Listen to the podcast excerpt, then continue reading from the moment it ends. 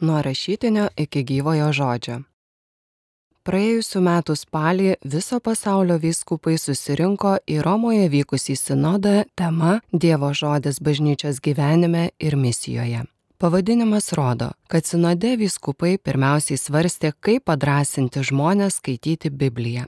Tačiau iš viso pasaulio kraštų suvažiavę ganytojai kalbėjo ir apie tai, kad žodžiai, kuriuos skaitome šventajame rašte, girdime skelbiamus mišiuose, mums ne tik perteikia žinę, pirmiausia, jie mus atveda į susitikimą veidas veidan su Jėzumi, gyvuoju ir amžinuoju Dievo žodžiu. Kuo susiję šventasis raštas ir mišios? Kaip žodžio liturgija atveria dangų ir atveda į susitikimą su Jėzumi, perkeičiančiu mūsų gyvenimą.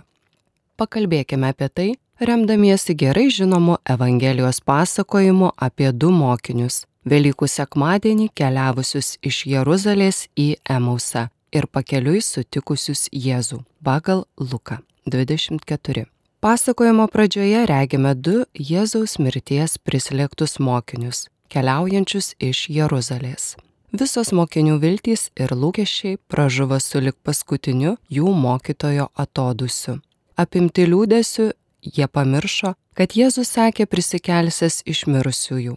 Jiems visai išėjo iš galvos matyti stebuklai ir pagydymai. Jie neižvelgė sąsajų tarp stebuklų ir Jėzaus žodžių, kad jo tėvas trokšta išgelbėti žmonės. Tažvelgdami į ant kryžiaus kenčiantį Jėzų, mokiniai matė ne savo gyvybę už juos atiduodantį šventą žmogų, bet visų pajuokiamą, niekinamą, kančios įveiktą vyrą. Tai būna ir mums, kai užmirštame Jėzaus žodžius ir manome, kad paskutinis žodis priklauso pasauliui. Nors mes galbūt ir neapimti tokios nevilties ir bejėgiškumo kaip anie mokiniai, bet veikiausiai esame slegiami gyvenimo rūpeščių ir iššūkių.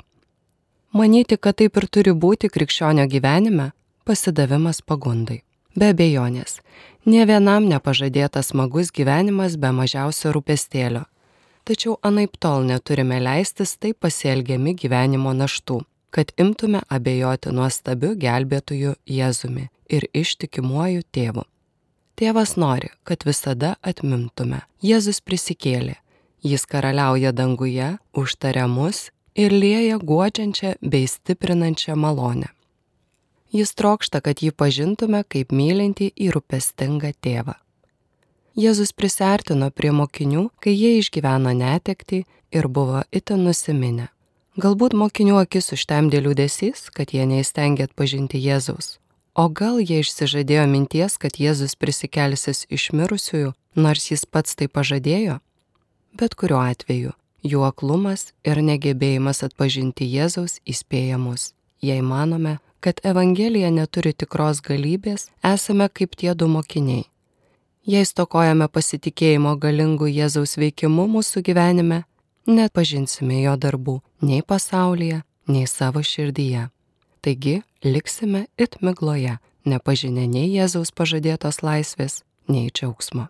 Jėzus užkalbino keliaujančius mokinius klausdamas, apie ką jie šnekas, eidami keliu.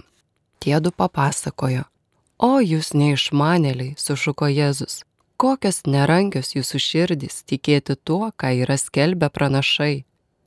Ir ėmė aiškinti jiems raštą, atskleidė viltingą ateitį, laimėtą jo kančia ir mirtimi. Pradėjęs nuo Mozės, Jėzus peržvelgė visą Izraelio istoriją, atskleidė mokiniams raštus, parodė, kaip jie klydo dėl jo kryžiaus ir prisikėlimo. Jėzus ne tik išaiškino, ne tik sudomino, jis pasiekė mokinių širdžių gelmes, juose gyvena šventoji dvasia ir uždegė jas liepsningų Dievo troškimu. Susėdus valgyti, Jėzus sukalbėjo palaiminimą, laužė duoną ir davė mokiniams. Tada jiems atsivėrė akis, jie jį pažino. Mokiniai suvokė tai, ką jie matė ir girdėjo. Tas troškimas, kurį Jėzus įžiebė jų širdyse, suliepsnojo ir tapo nepalaužiamu, giliai įsišaknyjusiu tikėjimu. Mokiniai žinojo, Jėzus prisikėlė, nuodėmė nugalėta, dangus atviras. Tai Emauso stebuklas. Jėzus nori, kad šis stebuklas įvyktų kas kart, kai švenčiame mišes. Jei įdėmiai klausomės jo balso per žodžio liturgiją ir leidžiame jo žodžiams suvirpinti mūsų širdis, išgyvensime didesnį Jėzaus artumą per Euharistijos liturgiją, duonos laužimą.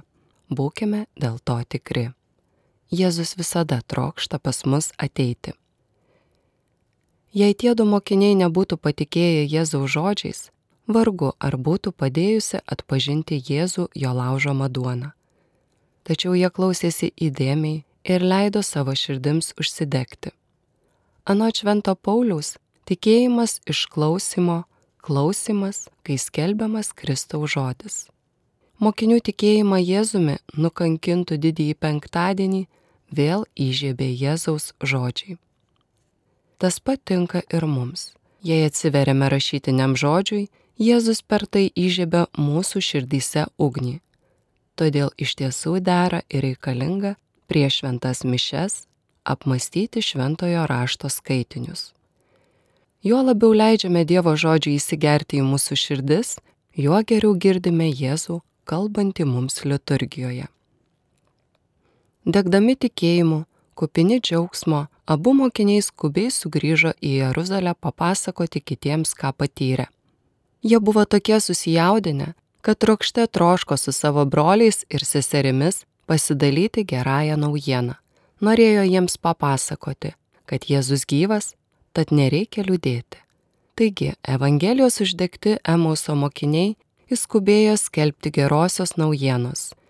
Mišių pabaigoje ir mes, pamaitinti Dievo žodžiu, esame kviečiami skelbti prisikėlusi viešpatį, skleisti Evangeliją ir tarnauti žmonėms. Evangelijos pasakojimo pabaiga, kai mokiniai vėliai sugrįžta į Jeruzalę, mums kalba apie Dievo žodžio galę, jei tik leidžiame jam liepsnoti savo širdyse. Jei vis karščiau trokštame skelbti žmonėms Jėzų, jei norime paliauti ėję savo keliu ir trokštame sekti Jėzumi, tai ženklas, kad Dievo žodis gyvena mumise ir skatina mus tarnauti viešpačiui. Emauso istorija evangelistas Lukas moko, kad Dievo žodis turi galios pripildyti mūsų širdis tikėjimu. Juo nuoširdžiau apmastome Dievo žodį, juo tvirčiau juo tikime.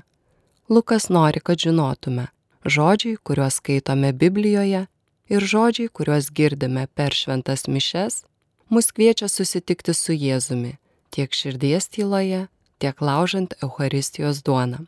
Prašykime šventąją dvasę darbuotis mumise, kaip ir tuose dviejose Emauso mokiniuose.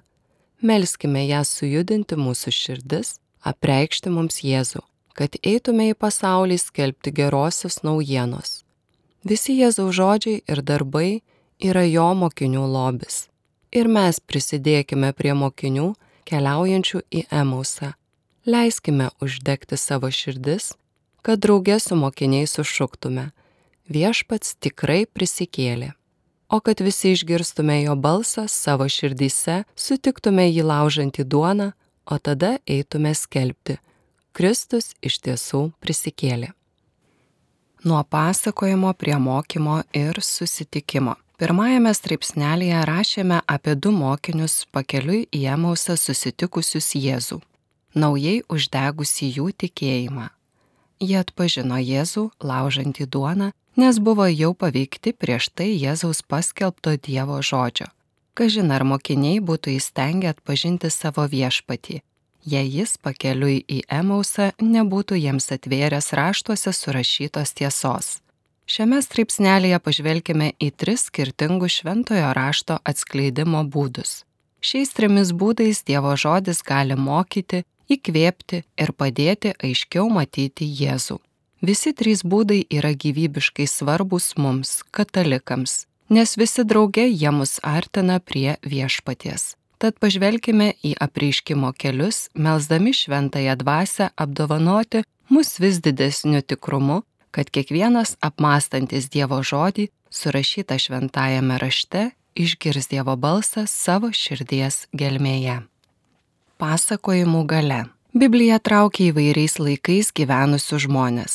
Viena iš šios traukos priežasčių - kartais ir kultūras pranokstantis pasakojimai, vienaip ar kitaip jaudinantis kiekvieno žmogaus širdį.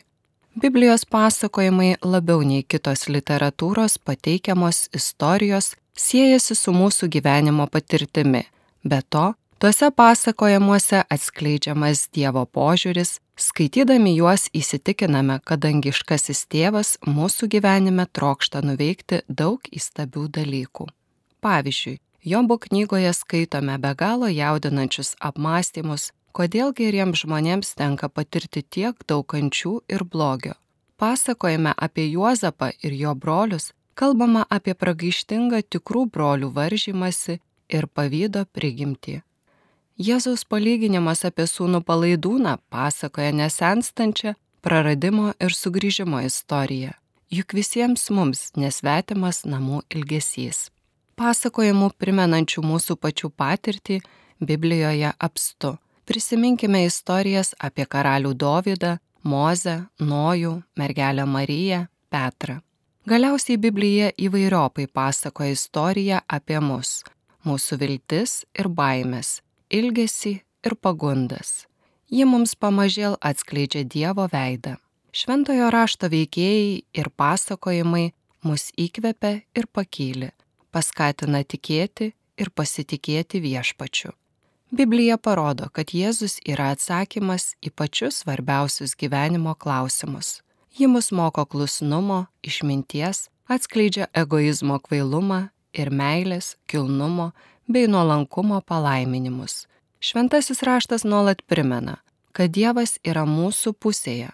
Nors mes daugybę kartų nusidėjome, Jis visada mums gailestingas ir pasirengęs mus gydyti.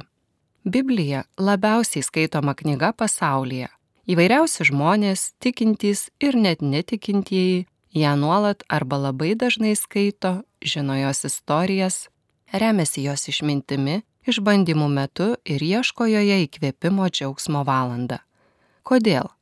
Mat šventasis raštas yra Dievo pasakojimas, jo rankos tiesiasi mūsų link, nori mus apkabinti kviečia mus į meilės ir pasitikėjimo bendrystę. Nuo pasakojimo iki mokymo. Biblija kur kas daugiau nei puikių pasakojimų rinkinys. Ji apima ne tik pasakojimus iš Izraelio praeities ir bažnyčios ištakų. Visi šventojo rašto pasakojimai, įstatymai, pranašystės, poemos ir maldos pasakoja tai, kas visiems žmonėms rūpi tai, kas tapo viso katalikų mokymo pagrindu. Šventasis raštas pradeda nuo pradžioje ir pasakojimu po pasakojimo mums atskleidžia, kas mes esame, iš kur kilome ir kur link esame vedami. Daugelio tų pasakojimų nereikia skaityti kaip dokumentinių ir istorinių reportažų. Tikrai ne visi pasakojimai priimtini kaip tiesioginiai pamokymai. Tačiau nuo bažnyčios tėvų laikų iki nūdienos bažnyčia turi gyvąją tradiciją, kuri, vadovaujant šventai dvasiai, padeda mums atpažinti tuose pasakojimuose slypinčias apreikštasias tiesas. Ką tie pasakojimai mums sako? Kad Dievas mūsų kūrė iš meilės ir kviečia per pasitikėjimą ir klusnumą įžengti į jo meilę. Pasakojimai mums atskleidžia, kad mes nusigrėžėme nuo Dievo, nutolome nuo jo, bet Dievas be galo kantrus.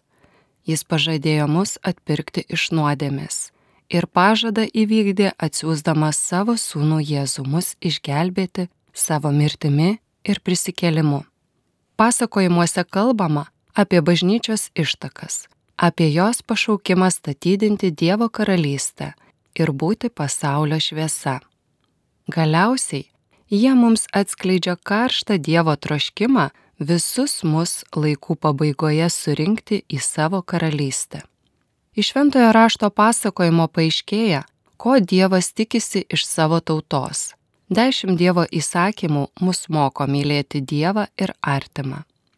Pranašų primiktinis kvietimas rūpintis vargšais ir beturčiais parodo, kad Dievas iš savo tautos tikisi teisingumo Išminties literatūros rašytojai moko gyventi darnoje su savimi ir santarvėje su savo šeima, taip kaip Dievas nori, kad kasdien gyventume. Trumpai drūtai visos bažnyčios dogminės ištarmės, liturginės praktikos, sakramentų šventimas ir socialinis mokymas kyla iš pasakojimo, kas esame mes ir kas yra Dievas, visa grindžiama Biblijos pasakojimu. Nuo pasakojimo ir mokymo iki susitikimo. Būti sujaudintam pasakojimu yra viena, o mokytis iš Evangelijos kas kita. Tačiau Biblija į mus prabyla ir kitaip, ne tik jaudindama ir mokydama, bet pačiu galingiausiu būdu. Milijonai įvairiais amžiais gyvenusių tikinčiųjų patyrė, kad Dievas kalba tiesiog į mūsų širdis, kai mes skaitome Bibliją ir apmastome jos žodžius. Kai melžiamės vienumoje ar klausome Dievo žodžio mišiose, šventojo rašto žodžiai staiga gali tapti mums gyvi skambėti taip, tarytum būtų parašyti būtent mums. Klausydamisi Dievo balso, aidinčio iš šventojo rašto, keliaujame į gelmę. Štai Julija, moteris visada kovojusi su kalties jausmu. Vieną dieną per mišes jį išgirdo dvi paprastas Evangelijos pagal Joną eilutes. Moterie, kur jie pasidėjo? Niekas tavęs nepasmerkė. Ne aš tavęs nepasmerksiu, eik ir daugiau nenusidėk. Išgirdusi šiuos žodžius, Julija pasijuto tarsi Jėzus stovėtų priešais ją, žvelgtų jai į akis ir tikintų, kad jis jai atleido, nepasmerkė jos. Ji yra Jėzaus priimta. Julija suvokė, kad tas ją apėmęs laisvės ir paguodos pojūtis kyla ne iš jos vaizduotės, Jis buvo pernelik tikras, pernelik stiprus, kad ji pati būtų galėjusi tokį jausmą susikurti. Be to, iš to jausmo subrendo ilgalaikiai vaisiai. Moteris ėmė viltingiau, su didesniu pasitikėjimu žvelgti į savo gyvenimą. Ne tik pranyko kalties ir nevertumo jausmas, sėkiu ji pasijuto artimesnė Jėzui, ėmė kasdien melstis, tyliai apmastydama šventąjį raštą ir klausydamasi Dievo balso. Pamėginkime. Tad kaip galime atrasti šventajame rašte slypinčius lobius, kasdien skaitydami Bibliją? Pradėkime ją skaityti kaip pasakojimą. Įsidėmėkime veikėjus, siužetą, aplinkybės, kuriomis rutuliojasi pasakojimas. Atraskime pagrindinės temas ir pasakojimo nuotaiką Būkime įdėmūs skaitytojai, neslyskime tik paviršiumi. Skirkime laiko nuodugniam šventojo rašto skaitimui. Nepraleiskime išnašų ar paaiškinimų, jei prieinami rašto komentarai. Skaitykime ir juos, kad geriau suprastume sunkes vietas. Taip pat svarbu atpažinti, kokį mokymą atskleidžia mūsų skaitomas pasakojimas, kokią žinę Dievas perduoda savo tautai Ar tai mokymas apie Jėzų ir jo atneštą išganimą? O gal tai mokymas, kaip atskirti gerą nuo pikto? Mokymas apie kai kuriuos šeimos gyvenimo aspektus? Ar mokymas susijęs su kuriuo nors sakramentu? Stengdamiesi visą tai atpažinti ir suvokti, statydiname savo tikėjimo pamatą ir tiesiame kelią Dievui, trokštančiam mus asmeniškai prašnekinti. Galiausiai turime melsti šventosios dvasios padėti susitikti Jėzų skaitant ir apmastant konkrečią šventojo rašto vietą. Tyliai, ramiai, maldingai skaitykime rašto eilutes, kaip Dievo mums atsiusta laišką. Pamėginkime save įsivaizduoti aprašomoje istorijoje. Stebėkime, kokias nuotaikas, kokius įspūdžius dvasias sukelia mūsų širdyje. Ar stipriau pajutome Dievo meilę? Ar atpažinome nuodėmę, kurią turime išpažinti? Galbūt pajutome paskatą dėkoti ir garbinti Jėzui už viską, ką jis dėl mūsų padarė? O galbūt reikia pasistengti atnaujinti pairusius santykius? Broliai seserys, Dievas trokšta būti labai arti mūsų. Jis nenori, kad mes sunkiai išgirstume jo balsą ir vargiai bepažintume jo meilę. Todėl jis mums kaip dovana duoda savo žodį šventajame rašte. Kad ir kokia būtų mūsų situacija, kad ir kokie neramus ar vieniši jaustumėmės, visada galime skaityti raštą, apmastyti jį savo širdyje ir klausytis ramaus, švelnaus viešpaties balso. Gyvas ir veiksmingas. Paskutinėme vyskupų sinode skirtame Dievo žodžiui vyskupai kalbėjo apie daugelį būdų, kuriais Dievas kreipiasi į savo tautą.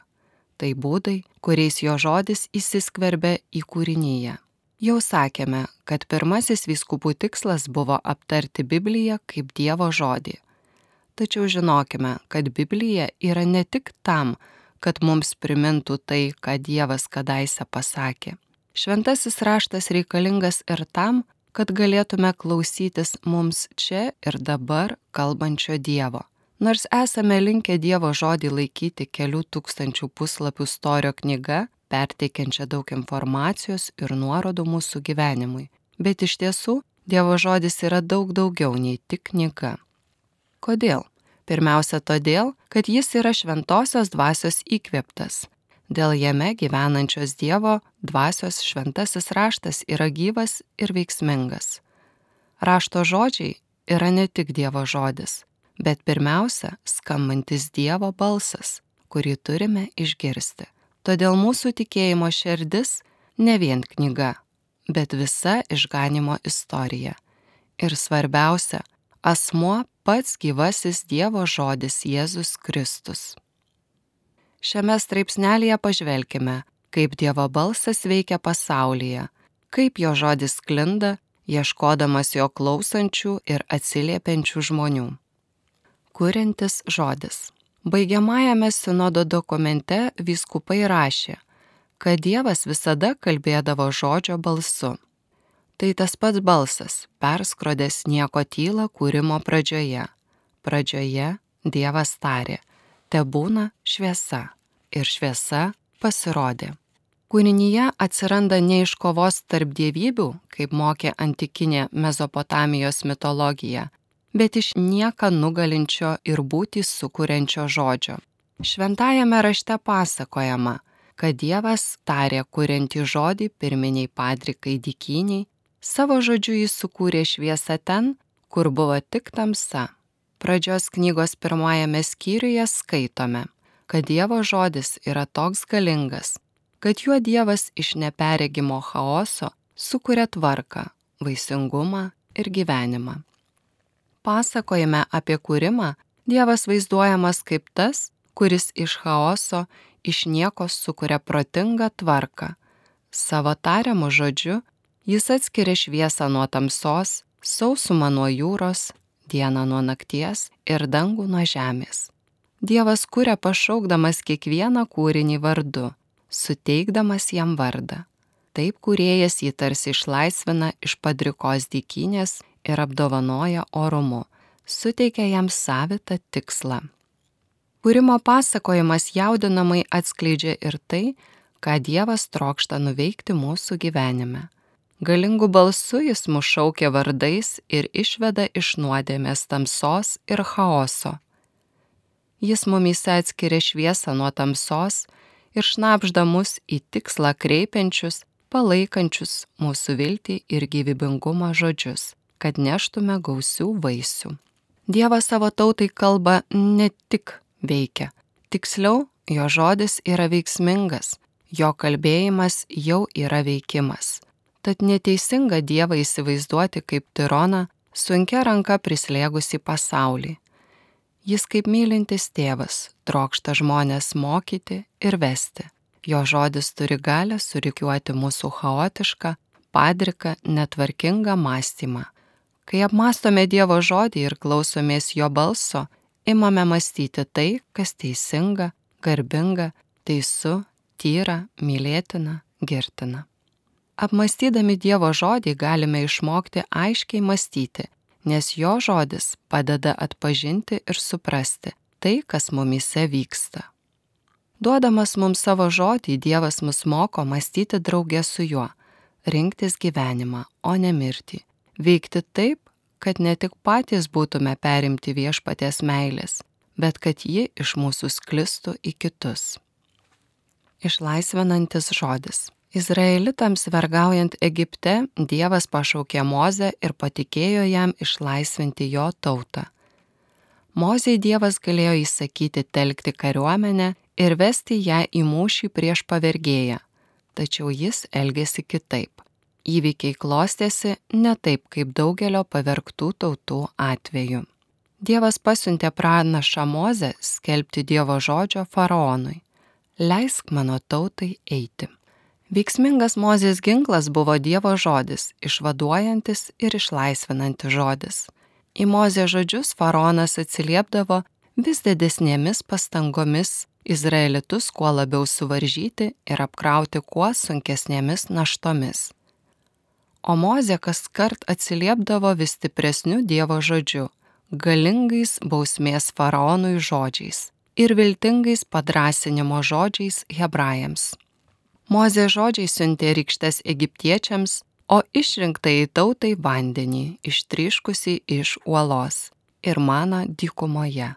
Aišku, iš tiesų būtent viešpatie žodžiu, o ne savo sumanumu ar stiprumu tauta įveikė faraoną. Buvo išlaisvinta ir nuvesta į pažadėtąją žemę. Susiekime tai ir su savo gyvenimu. Kasdien esame gundomi supančioti nuodėmę. Galime pasiduoti toms pagundoms arba kovoti su jomis savo jėgomis, tačiau galime ir remtis mus stiprinančią Dievo žodžio galybę ir tai būti išlaisvinti. Prisiminkime Dovydą, nugalėjusį galijotą laidynę, nes pasitikėjo viešpačiu. Prisiminkime Jozują ir Izraelitus, nukariavusius Jeriką paprasčiausių klusnumu Dievo įsakymams. Prisiminkime ir patį Jėzų, įvaikusi piktojo gundimus, pasikliovimu Dievo žodžiu. Tad kai jaučiamės esą gundomi, nesutrikime, nepasiduokime, bet pasiimkime išganimo šalmą bei dvasios kalavyje, tai yra Dievo žodį. Kaip Dovydas, Jozuje ir Jėzus sutikime gundimus skelbdami Dievo pažadus. Sakykime piktajam, kad tikime Jėzų Kristų, mūsų gelbėtoją. Sakykime savo gimtosios nuodėmės sužeistai prigimčiai, kad ji yra nukryžiuota su Kristumi ir kad ji jau nebeturi mums galios. Skelbkime, kad esame panardinti Kristuje, kad mumise gyvena šventoji dvasia Meliskime šventąją dvasę, Dievo žodžio kvapsnį, mus stiprinti ir tikrai išvysime pergalę. Juk tai ne šiaip žmogaus ištarta žodis, priešingai, jame slypi Dievo galybė, nes tai paties Dievo žodis. Jis yra gyvas, veiksmingas, aštresnis už bet kokį dviešmenį kalavyje. Jo įveikti negali joks priešas. Gyvenimo žodis. Dievo žodis apima ne tik ištartą ir užrašytą žodį, tai taip pat žodis skelbiamas Dievo tautos gyvenimu. Švento Pauliaus Korinto tikintiesiems rašė. Jūs patys esate mūsų laiškas įrašytas mūsų širdyse, visų žmonių suprantamas ir skaitomas. Jūs pasirodėte esą Kristaus laiškas, kurį mes, patarnaudami jums, surašėme nerašalu, bet gyvojo Dievo dvasia ne akmens plokštėse, bet gyvų širdžių plokštėse. Jėzus panašiai sakė savo mokiniams, taip te šviečia ir jūsų šviesa žmonių akivaizdoje, kad jie matytų gerus jūsų darbus ir šlovintų jūsų tėvą danguje. O Tesalonikos tikinčiuosius apaštalas Paulius drąsino, iš jūsų pasklidęs viešpatė žodis pagarsėjo ne tik Makedonijoje bei Ahajoje, bet jūsų tikėjimas Dievu pasidarė žinomas visur ir mums jau nebereikia apie tai kalbėti. Šie naujieji krikščionys nebuvo gerai žinomi misionieriai, keliavę po visą Romos imperiją, bet žinia apie jų tikėjimą ir tarpusavę meilę plačiai pasklido ir pasiekė žmonės net Makedonijoje ir Ahajoje. Pauliaus mokinys Timotiejus džiugino paštalas savo nesavanaudišku atsidavimu Evangelijai samarietė moteris tapo skaičių žiburių savo kaimynams, liudydama viešpatį. Šio šventojo rašto vietos liudyja, kad Dievas kalba per mūsų gyvenimą. Jis kiekvieną iš mūsų gali paversti gyvąją Evangeliją, gerosios naujieno žinia aplinkiniams žmonėms. Šeimos ar bendruomenės atsidavimas viešpačiui gali būti galingas liudijimas, koks turėtų būti kiekvieno tikinčiojo gyvenimas. Vaisingas žodis. Kalbėdamas per pranašą Dievas pažadėjo, kad žodis išėjęs iš jo lūpų niekada negrįž atgalios bergžės, bevaisis. Tai gyvenimą teikianti žodis, išlaisvinanti žodis. Žodis turės galios mus paversti gyvąją Evangeliją. Dievo žodis apima ne tik šventą įraštą, bet ir žmonių besistengiančių savo gyvenimu patikti viešpačiui liudijimą. Tai gyriaus kuriejui žodis, kurį savo grožiu ir įstabę tvarka taręs sukurtasis pasaulis. Tai žodis, kurį amžiams bėgant skelbia bažnyčia. O svarbiausia, kad tas žodis yra pats Jėzus, žodis tapęs kūnu atėjęs į pasaulį prieš du tūkstančius metų ir nuolat mus šaukiantis, raginantis atsigręžti į jį. Išmokime klausytis daugybės šio galingo žodžio balsų, kad mūsų širdys liepsnotų ir sektume paskui Jėzų, kur tik jis mus nuves. Straipsnį nuo rašytinio iki gyvojo žodžio, nuo pasakojimo iki susitikimo iš žurnalo Žodis tarp mūsų skaitė Rasa Alenskaitė.